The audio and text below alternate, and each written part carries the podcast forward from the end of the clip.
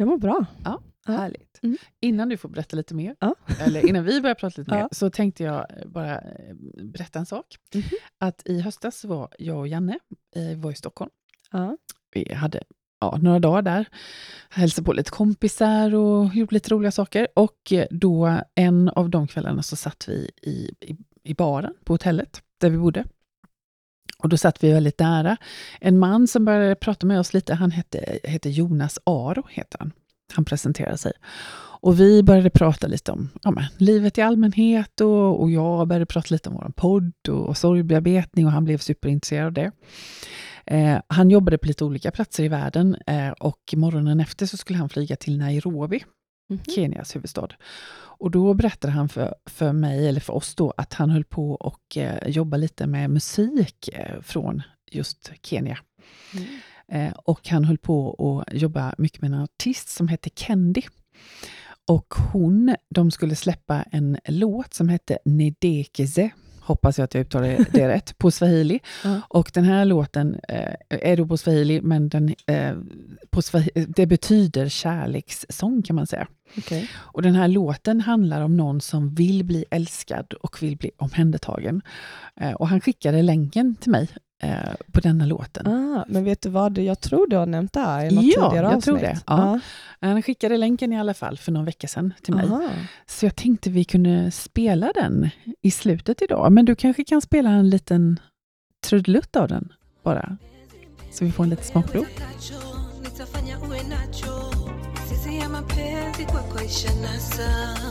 Haki ya mungu na kudata data lazimika swaga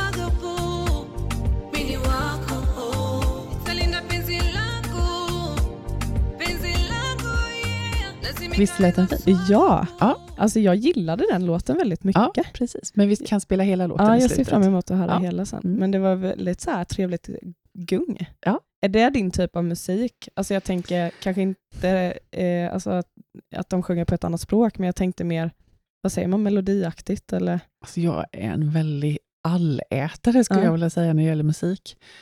Eh, Min eh, före detta man, Brian, eh, jättemusikintresserad. Så han flyttade till Sverige med 92 kassetter. och det var som hans dagböcker, liksom. Mm. Du vet genom alla hans resor som han har gjort genom livet. Så här, otroligt bra musiksmak. Så eh, jag fick leva många år där med väldigt bra, och mina söner är också superintresserade. Så jag, nej men jag är en allätare. Mm. Ibland lyssnar jag på, ja, det, det är liksom väldigt olika. Mm. Mm. Du då? Ehm, nej men jag gillar nog, eh, jag gillar den här typen av liksom, musik. Mm. Eh, men jag gillar också typ tropical house och ja, men, så här, Avicii och alla Ja, de här. Alltså ja. lite mer så här klubbmusik kanske. Mm. Eh, men sen så gillar jag, jag tyckte faktiskt om de som var med i Melodifestivalen.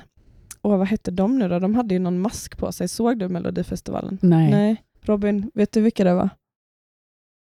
De som hade en mask på sig i Melodifestivalen. Ja, Six Feet Under hette de. Okej. De hade jag aldrig hört innan, men jag tyckte typ om den typen Mm. av musik. Men det var lite mer så här, ja, hårdrock. Jag vet Mm. inte om jag säger rätt nu, men ja, Robin Mm. nickar, han kan Ja. musik.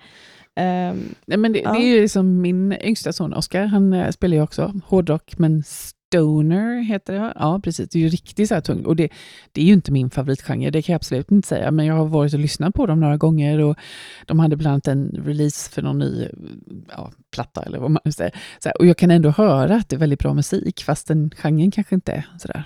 Sen har jag ju Spotify-listor. Alltså jag har Nervös-listan, jag har mhm. morgonlistan, jag har sorgmusiklistan. Så här, om jag ska åka och föreläsa någonstans, och liksom, kanske mycket folk, hundra personer, någonting, så då kan jag ha den i bilen, för då blir jag lite pepp sådär, om jag är trött. Är det, så. så sorg, ibland är, är, det ibland, sorglistan du har nej, då? nej, nej, nej, nej, då är det nervös och pepplistan. så jag har mycket sånt. Mhm. Sjunger Vad mycket i bilen. Alltså det är ju så, här, så ibland när jag kommer och ska, ska föreläsa, så kan jag känna att jag nästan är hes för att jag har sjungit så mycket i bilen. Det här var något helt nytt, det visste Ja, jag inte. Mm. Men vad har du för typ av låtar på din sorglista då? Ja, Men det är lite, jag kommer inte ihåg nu riktigt vad jag har för musik där, men jag har lite Lale har jag ju. Mm. Sen har jag, alltså det här är ju, låter ju inte klokt, men den är en sån gammal låt egentligen. Så det är, alltså Jill Johnson, Mm. eh, Kärleken är. Ja. Och du vet, jag börjar gråta nästan varje gång jag hör den. Mm. En ängel for förbi Ja. mot himmelen så fin, Mm. men hon lämnade sitt leende på jord. Mm, den Mm. är fin, tycker Ja. jag. Jag får ju lyssna på, det är lite Céline Dion och Carola och mycket sådana saker för det gillar ju Erik väldigt mycket. Mm. Nu hänger jag ut hans musiksmak lite. Mm. Han gillar tropical house och sånt också men han kan ju sjunga väldigt eh, fritt och högt hemma så man får bara säga okej jag går ner till andra våningen. Jag tycker inte så jättemycket om det. Nej. Men jag lyssnade väldigt mycket på Carola när jag var liten. ja. Då tvingade jag alla mina kompisar att klä ut sig och sen så skulle vi alla sjunga Fången av en stormvind. Mm. Ja, då. Ja, det har jag bilder till och med på, mina kompisar när de står. Nej, antingen något av mina barn eller båda två, jag kommer inte ihåg, men de var så här 13-14, om man skulle skjutsa de, de, deras kompisar någonstans. Mm. Du vet, då var det så här när man satt i bilen, så här, innan man hämtade upp första personen så var det som, nu sjunger inte du. det var liksom, för då är du pinsam. Jag var okej.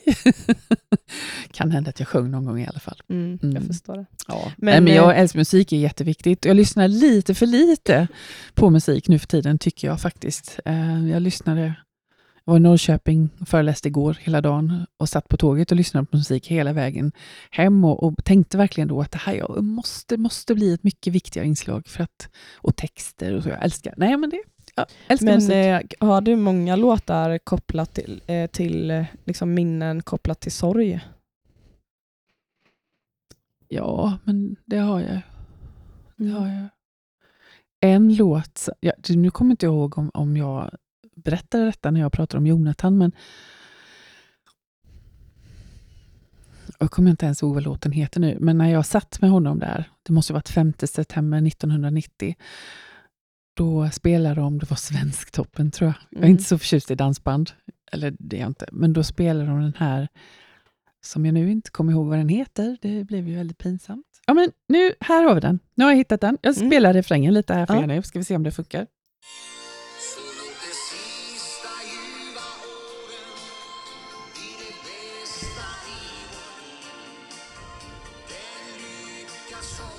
Vad heter de Maria?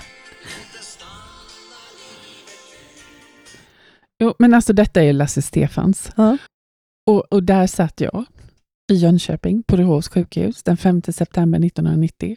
Och jag kommer ihåg att solen sken in lite. Sådär. Det var klockan säkert 11, mellan 11 och 12 för det var Svensktoppen. Och där satt jag med honom och jag visste att risken var jättestor att han skulle dö. Och så spelade de den här låten med Lasse Stefans. Låt de sista ljuva åren bli de bästa i ditt liv. Och jag kommer ihåg att jag grät något så fruktansvärt för jag tänkte så här, men hans sista ljuva år, han hinner inte ens få vara med om dem. Så där kan det bli med musik också ibland. Mm. Även att det är dansband och Lasse Stefans. Nu ska vi liksom betona att det finns många som älskar dansband och det är Ja. jättefint, men eh, ja. Mm. Men, Men jag tycker det är så där, lite, ja. eller så här, förr, förr i mitt liv, då lyssnade jag också mycket på musik och man kunde härleda många, många låtar liksom till olika sorger man gick igenom och så. Mm.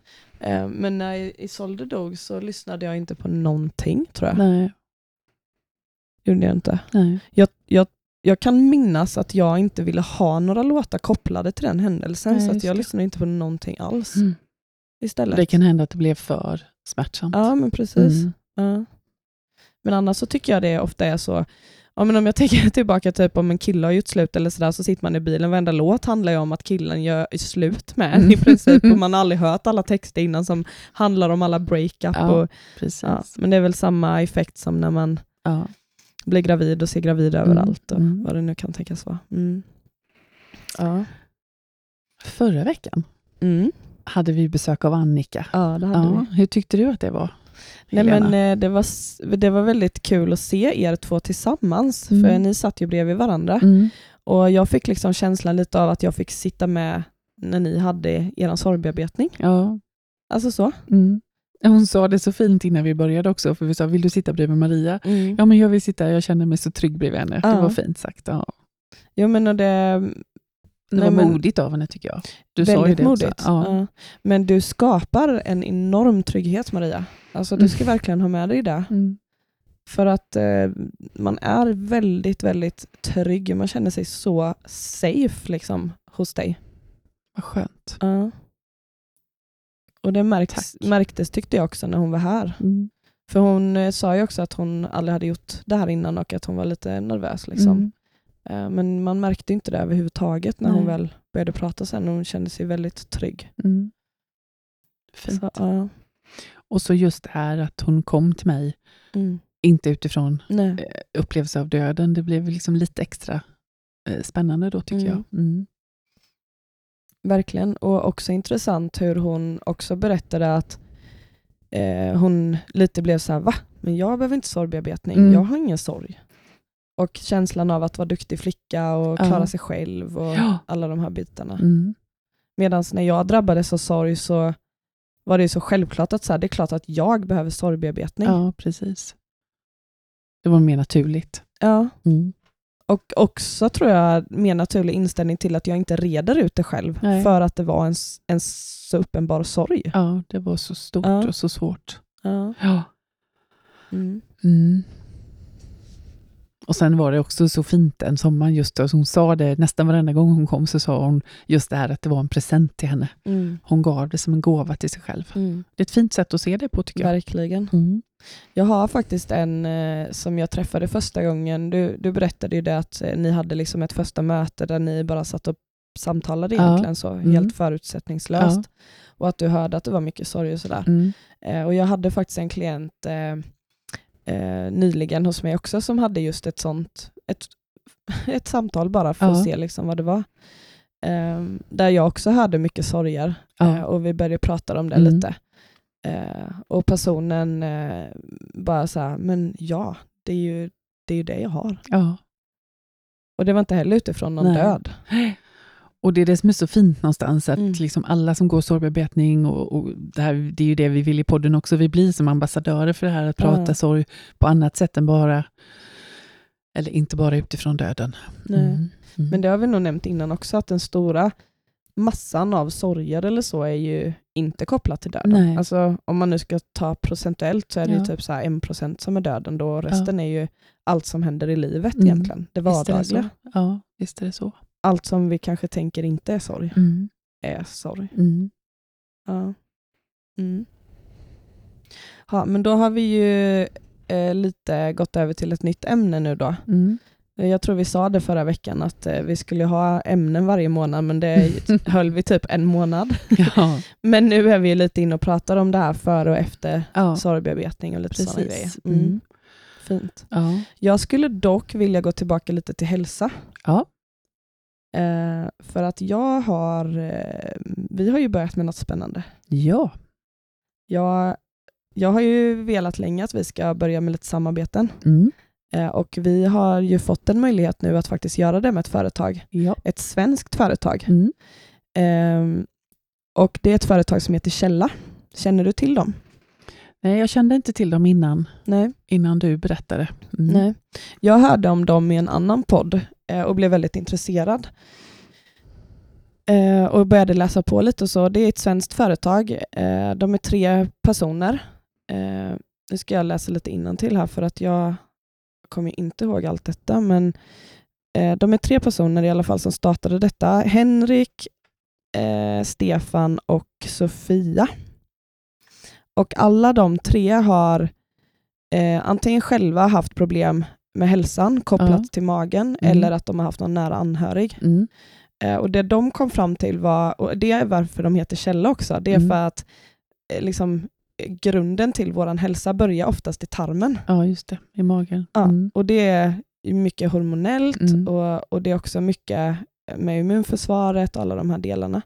Eh, så det de har gjort det är att de har tagit fram produkter, flera olika typer av produkter eh, som jobbar med, med tarmen. Eh, och då är det mycket med probiotika och bakteriestammar och det är väldigt hög kvalitet på alla produkterna som de Mm. har, vilket jag gillar jättemycket för Mm. jag vill att det ska vara rena produkter. Mm. Men det som vi nu eh, har gjort när jag kom i kontakt med dem så berättade jag ju att vi behöver produkter för 40 plus Mm. eh, och också eh, det hormonella, för jag känner att jag har hormonell obalans efter alla Ja. graviditeter, Mm. eh, men också klimakteriet. Mm. Tittar du på mig nu? Ja. Mm. Men jag har ju börjat inse att jag når ju liksom 40 nästa år och då, Ja. jag är ju också där snart. Absolut. Ja. Jag är nog nästan så att jag är över det. Mm. Mm. Men eh, vi har ju fått, eh, jag har ju testat nu i, kan det vara snart två veckor, Mm. deras produkter. Och du har också börjat testa. Ja, en, drygt en vecka, en och en halv sådär. Mm. Och det vi båda har börjat testa det är ju deras eh, produkt som heter Immune Health och Mind and Mood. Mm. Och båda de här har fantastiskt fina eh, förpackningar. Väldigt fina. Ja. Väldigt bra paketerat är det, Mm, ju, det är jättebra. Ja. Och det är som en liten box. Eh, och så drar man ut och så ligger det som påsar i, så det här är pulver. Och de här pulverna kan man då blanda i eh, all, alltså vilken typ av dricka egentligen man vill. Man kan lägga det i, i kaffet, i eh, ditt te eller juice eller ja, vatten. eller Smoothien vad man lägger jag. Smoothien, ja Mm. precis. Jag har börjat eh, göra chia-pudding på morgonen. Mm. Eller jag gör den alltså över natten Ja. och då häller jag i pulvret på morgonen så att jag äter det med det. Men jag har också druckit det i min matcha-te. Ja. Eh, har jag också gjort. Eh, men sen har jag också testat eh, deras eh, produkt som heter Hormo- Hormones eh, and Me eftersom att jag behöver lite balans i mina hormoner. Mm. Och de är i kapslar då istället. Så de eh, dricker man eh, på morgonen eh, tillsammans med vatten eller något sånt. då. Eh, och sen har vi en produkt som inte någon av oss har börjat testa än och den heter Calm and Me. Mm. Det är lite konstigt varför vi inte har börjat testa den. Är det för att ingen av oss vill bli lugnare? men Ja, eh, ja, jag, jag känner nog faktiskt en skillnad. Jag har ändå varit sjuk och så, men jag, Mm. du frågade ju innan hur jag kände mig. Jag Mm. känner nog att jag har börjat få någon liten pigghet i mig Mm. på något sätt. Ja, jag känner mig extremt pigg alltså. Mm. Mm. Och kopplar ju det också mycket till att jag är frisk nu. Men, Ja. men vi, vi får äta det där ett tag Ja. och se. Det Vi ska testa bra. det här nu en månad Ja. eh, och eh, vi kommer ju erbjuda alla er som eh, lyssnar och som också är sugna på att testa det här en liten rabattkod. Eh, så den kommer ju komma också. Ja. Så ni får gå in på vår Instagram och så kommer det finnas all information där. ja, just det. Så ja, det känns jättekul. Härligt. Ja. Ja. Mm. Klimakteriet kan ju vara härligt. Eller se. inte. Är det verkligen det? Nej, men jag skojar. Alltså, jag har ett annat bra tips. Ja. Jag har två eh, väldigt goda vänner. Mm. Eh, vi är nästan i samma ålder. De är något år yngre än mig. Eh, men för några år sedan så eh, vi träffas alltid ungefär, vi träffas lite oftare, men två gånger per år så träffas vi en helg och eh, sitter ju och pratar från fredag till söndag i stort sett. Vi Just sover det. lite också. Ja. Vi har pratat om det innan säkert. Men en av de här gångerna i alla fall så hade den ena kvinnan med sig en solfjäder som var Mm. väldigt bra för vallningar. Okej. Och den här solfjädern, den låg på bordet hela helgen, så liksom vi turades om så här. Nu är det min tur. Och så, tog jag. så det var ju också ett bra tips. Jag har faktiskt fått testa på det, att eh, vara i klimakteriet. Eh, Mm. för att eh, när jag hade, när, jag har ju endometrios. Eller jag ska inte säga att jag har det längre, för att det har inte varit ett problem på väldigt länge. Eh, men eh, förr hade jag jätteproblem med det. Jag var sjukskriven långa perioder och sådär. Mm. Men då, eh, läkarna vill ju behandla det genom att, eh, att man stänger av mensen helt och hållet. Mm. Och då får man ju ta sprutor med olika hormoner i och sådana Ja, saker. det. Eh, och en av de behandlingarna är då att man sätter kroppen i klimakteriet. Mm. Så det har jag gjort. Eh, och jag höll på med det, jag tror att det var kanske tre till sex månader eller något sånt, tills att jag liksom inte klarade av det mer Nej. egentligen. Det bara kändes så fel och min Mm. kropp bara sparkade bakut. Men herregud vad jag svettades. Alltså, Mm. Jag var ju tvungen att ha med mig ombyte alltså, för att det var som att jag hade badat ibland. Ja, det där är ju väldigt individuellt, men ja, det men alltså, ju, det kändes ja, verkligen det- inte normalt. Liksom. Nej, det är som att få en blåslampa över huvudet, brukar jag säga. Ja. Nej, så att jag har fått känna på det lite. Ja. Eh, Så att, eh, Mm. ja, vi får se när det börjar kicka Det- på ja. mig sen. Jag har inte haft jättestora problem, ska jag säga. Mest på nätterna. Men det är lite så när man så här, står och föreläser, när man sitter med en grupp med handledning eller någonting, så bara känner man så här, oh, oh. Mm. Och så känner man den här blåslampan i huvudet så vet man inte om alla ser det eller så. Nej. Ja, det, ja, är det rätt tufft faktiskt. Men har Men- du någon gång känt det som att det är en sorg att komma in i klimakteriet? Att det blir en sån förändring man inte kan liksom styra eller påverka själv? Inte, inte så mycket faktiskt Lena. Jag Mm. har inte haft jättestora problem. Så har jag inte. Men när du säger det så, det är klart. Lite orättvist har jag kunnat tycka. Liksom, då när man är, alltså, alla barnen är utflygna, man är det, man är liksom mitt i karriären och så ska man Mm. hålla på med det här då samtidigt. Så lite så. Men det är också en sak som vi egentligen behöver prata mer om. Ja, Det gör vi ju inte heller egentligen sådär mycket.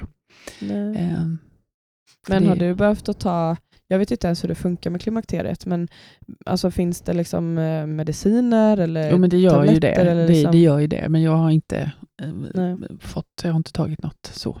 Mm.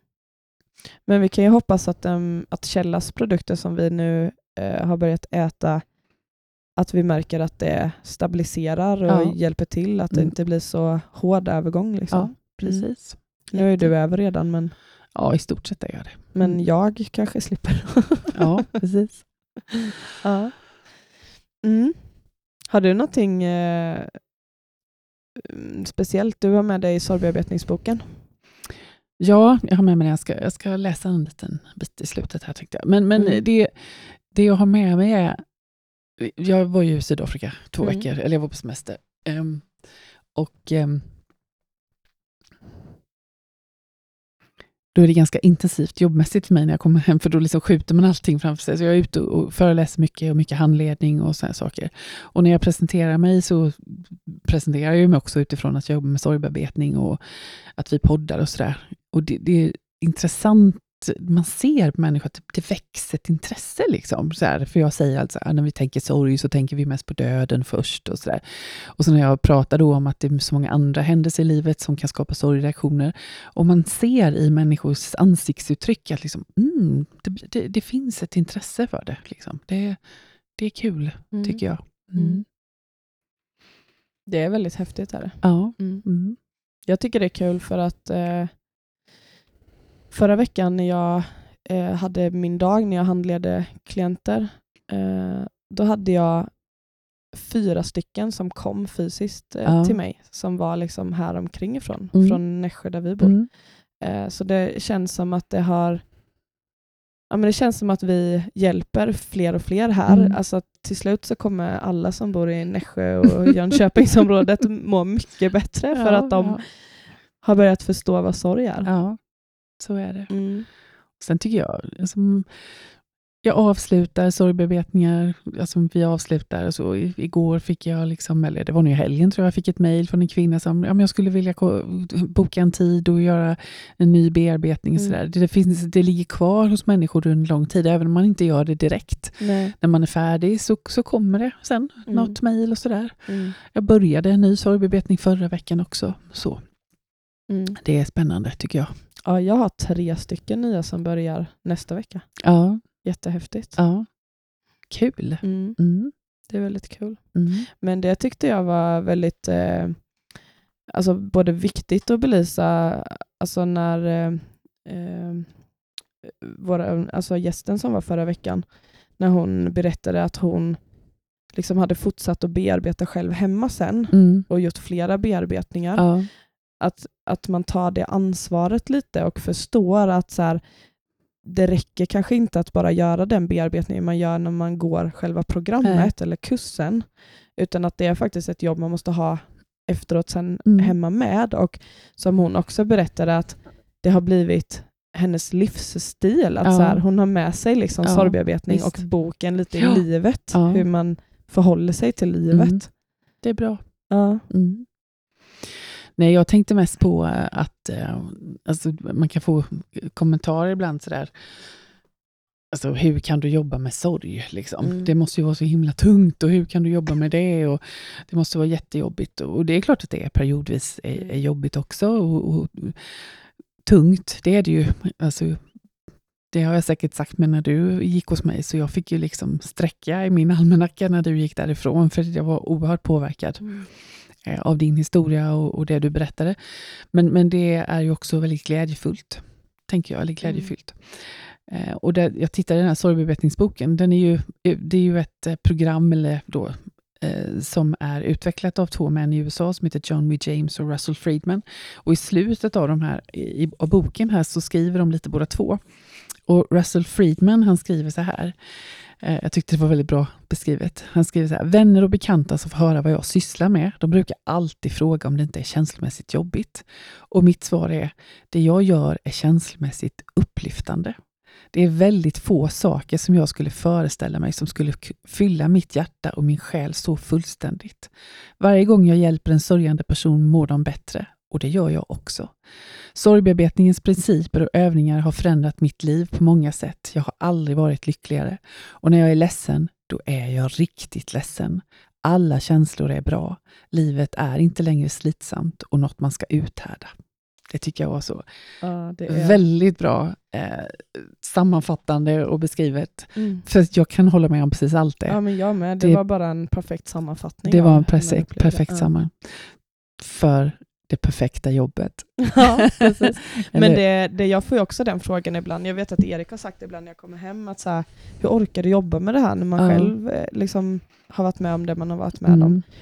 Men eh, det som är häftigt tycker jag är ju just när man möter människorna efteråt sen, så som eh, liksom gästen förra veckan, där man bara ser förändringen. Mm. Och också lite att så här, eftersom att man själv har gjort resan och man vet hur mycket skillnad det gjorde för Mm. en, då är det ju värt att möta människor Ja. som berättar tuffa historier Visst. som de bär med sig. Mm. För att man vet ju att här kommer det bli en skillnad. Ja, precis.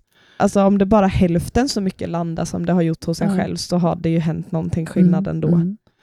Och jag tänker på som du och Erik berättade också, just hur många som professionella som började gråta när Mm. ni berättar en historia, så tänker jag att vi ska inte göra det, vi ska lyssna. Mm. Eller hur? Ja. Mm. Fast vet du, jag började faktiskt eh, gråta eh, när jag hade en klient eh, en klient som eh, också har mist ett barn Mm. och eh, den eh, personen berättade att de väntade ett barn igen. Då Ja. fick jag lite glädjetårar Ja. ihop med den personen. Vi får ju gråta också. För att jag bara kände så mycket med dem, för jag vet hur Mm. mycket de har längtat. liksom.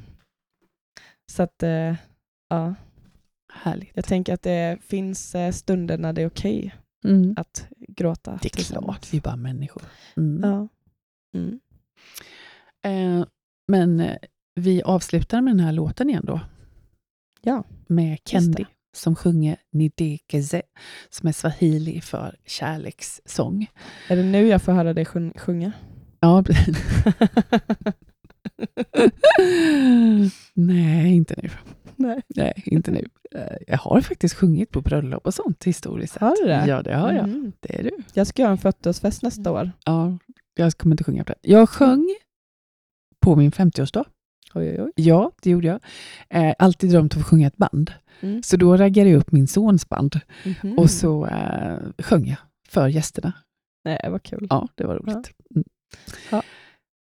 Ha det bra och ta hand om dig. Ja, du Ta hand om dig Robin.